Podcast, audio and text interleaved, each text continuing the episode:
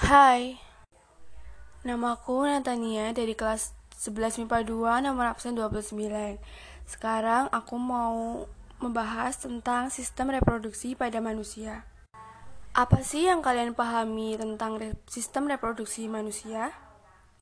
Nah, sistem reproduksi adalah sebuah rangkaian dan interaksi organ dan zat dalam organisme atau manusia yang dipergunakan untuk berkembang biak Sistem reproduksi dibagi menjadi dua, yaitu sistem reproduksi pada pria dan sistem reproduksi pada wanita. Sistem reproduksi pada pria dan wanita memiliki sistem kerja yang berbeda satu sama lain. Masing-masing memiliki fungsi yang berbeda dan keunikannya sendiri secara genetik. Sistem reproduksi pada pria berfungsi untuk menghasilkan sperma atau gametogenesis dan menyalurkan sperma ke kepada wanita. Organ-organ pada sistem reproduksi pria yaitu pertama ada penis. Fungsinya sebagai saluran kencing dan tempat keluarnya sperma. Kedua ada uretra yaitu saluran pengantar urin. Lalu ada scrotum atau zakar sebagai pembungkus testis dan epididymis. Lalu ada testis yaitu penghasil sel kelamin dan hormon testosteron. Lalu ada juga epididymis, yaitu saluran pematangan dan penyimpanan sementara sperma. Ada juga fans deferens, yaitu saluran pengangkut sperma. Lalu ada kelenjar prostat yang berfungsi untuk menghasilkan cairan sperma dan terakhir ada kelenjar Cooper atau kelenjar bulbouretral yang berfungsi untuk menghasilkan cairan kental. Kelenjar Cooper berjumlah sepasang di sepanjang uretra. Lalu urutan saluran keluar sperma dari dalam yaitu pertama melewati testis, kedua melewati epididymis, lalu melewati vas deferens, lalu melewati uretra, dan terakhir keluar melalui penis. Selain sistem reproduksi pada pria, ada juga sistem reproduksi pada wanita. Organ-organ pada sistem reproduksi wanita yaitu eh, ada labia mayora atau bibir besar, yaitu struktur terbesar alat kelamin wanita.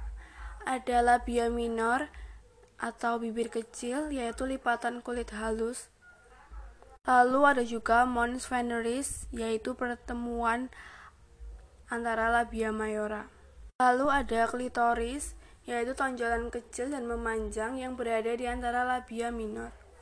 Lalu ada orificium urethrae, yaitu muara dari saluran kencing. Ada juga himen, yaitu selaput darah. Lalu ada kelenjar reproduksi. Ada vagina atau saluran yang menghubungkan uterus dengan lingkaran luar. Pada ujungnya terdapat himen atau selaput darah. Lalu ada cervix atau leher rahim.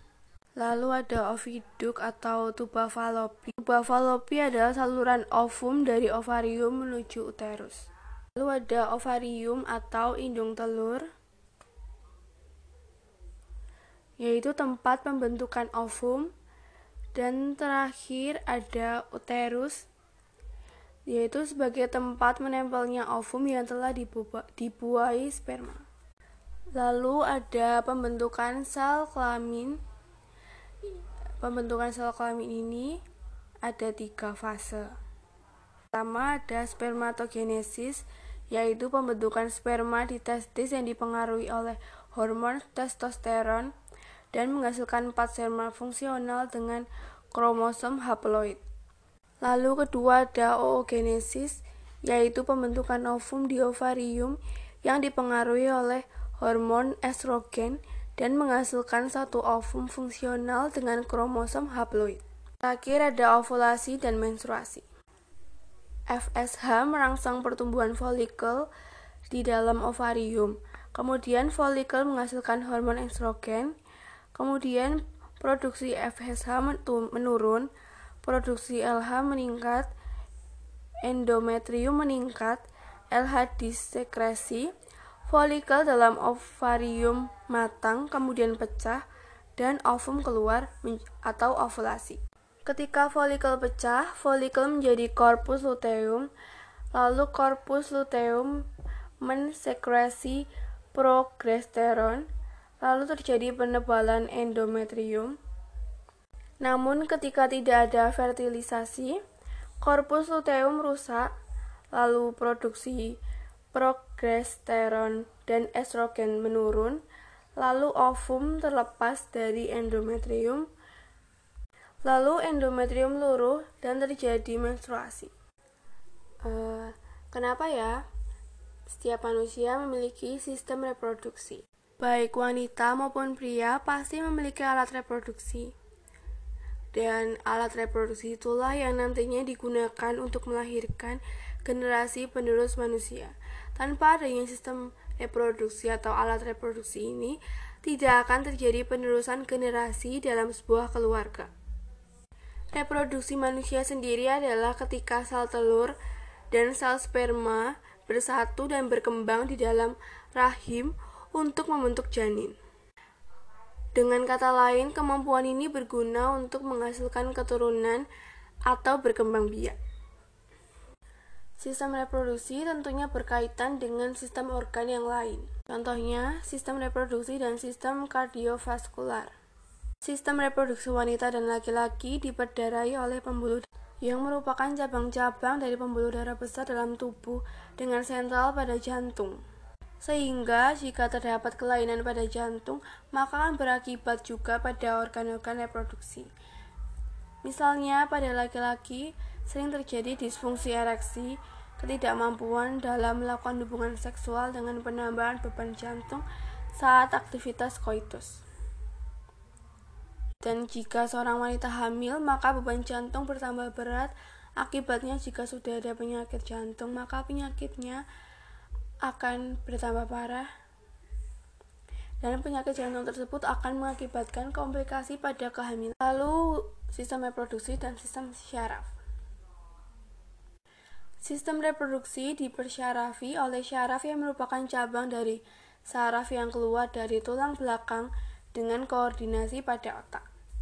Jika terjadi kelainan pada syaraf tersebut, maka akan mengakibatkan gangguan pada sistem reproduksi misalnya disfungsi ereksi dan gangguan ejakulasi.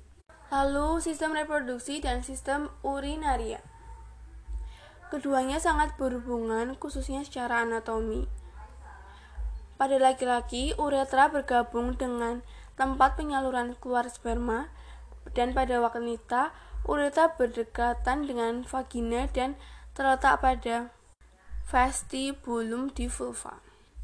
Selain itu, vesika urinaria berada di depan uterus. Dan jika terjadi infeksi pada saluran kencing, maka akan mudah pula terjadi infeksi pada sistem reproduksi dan itu terjadi sebaliknya juga.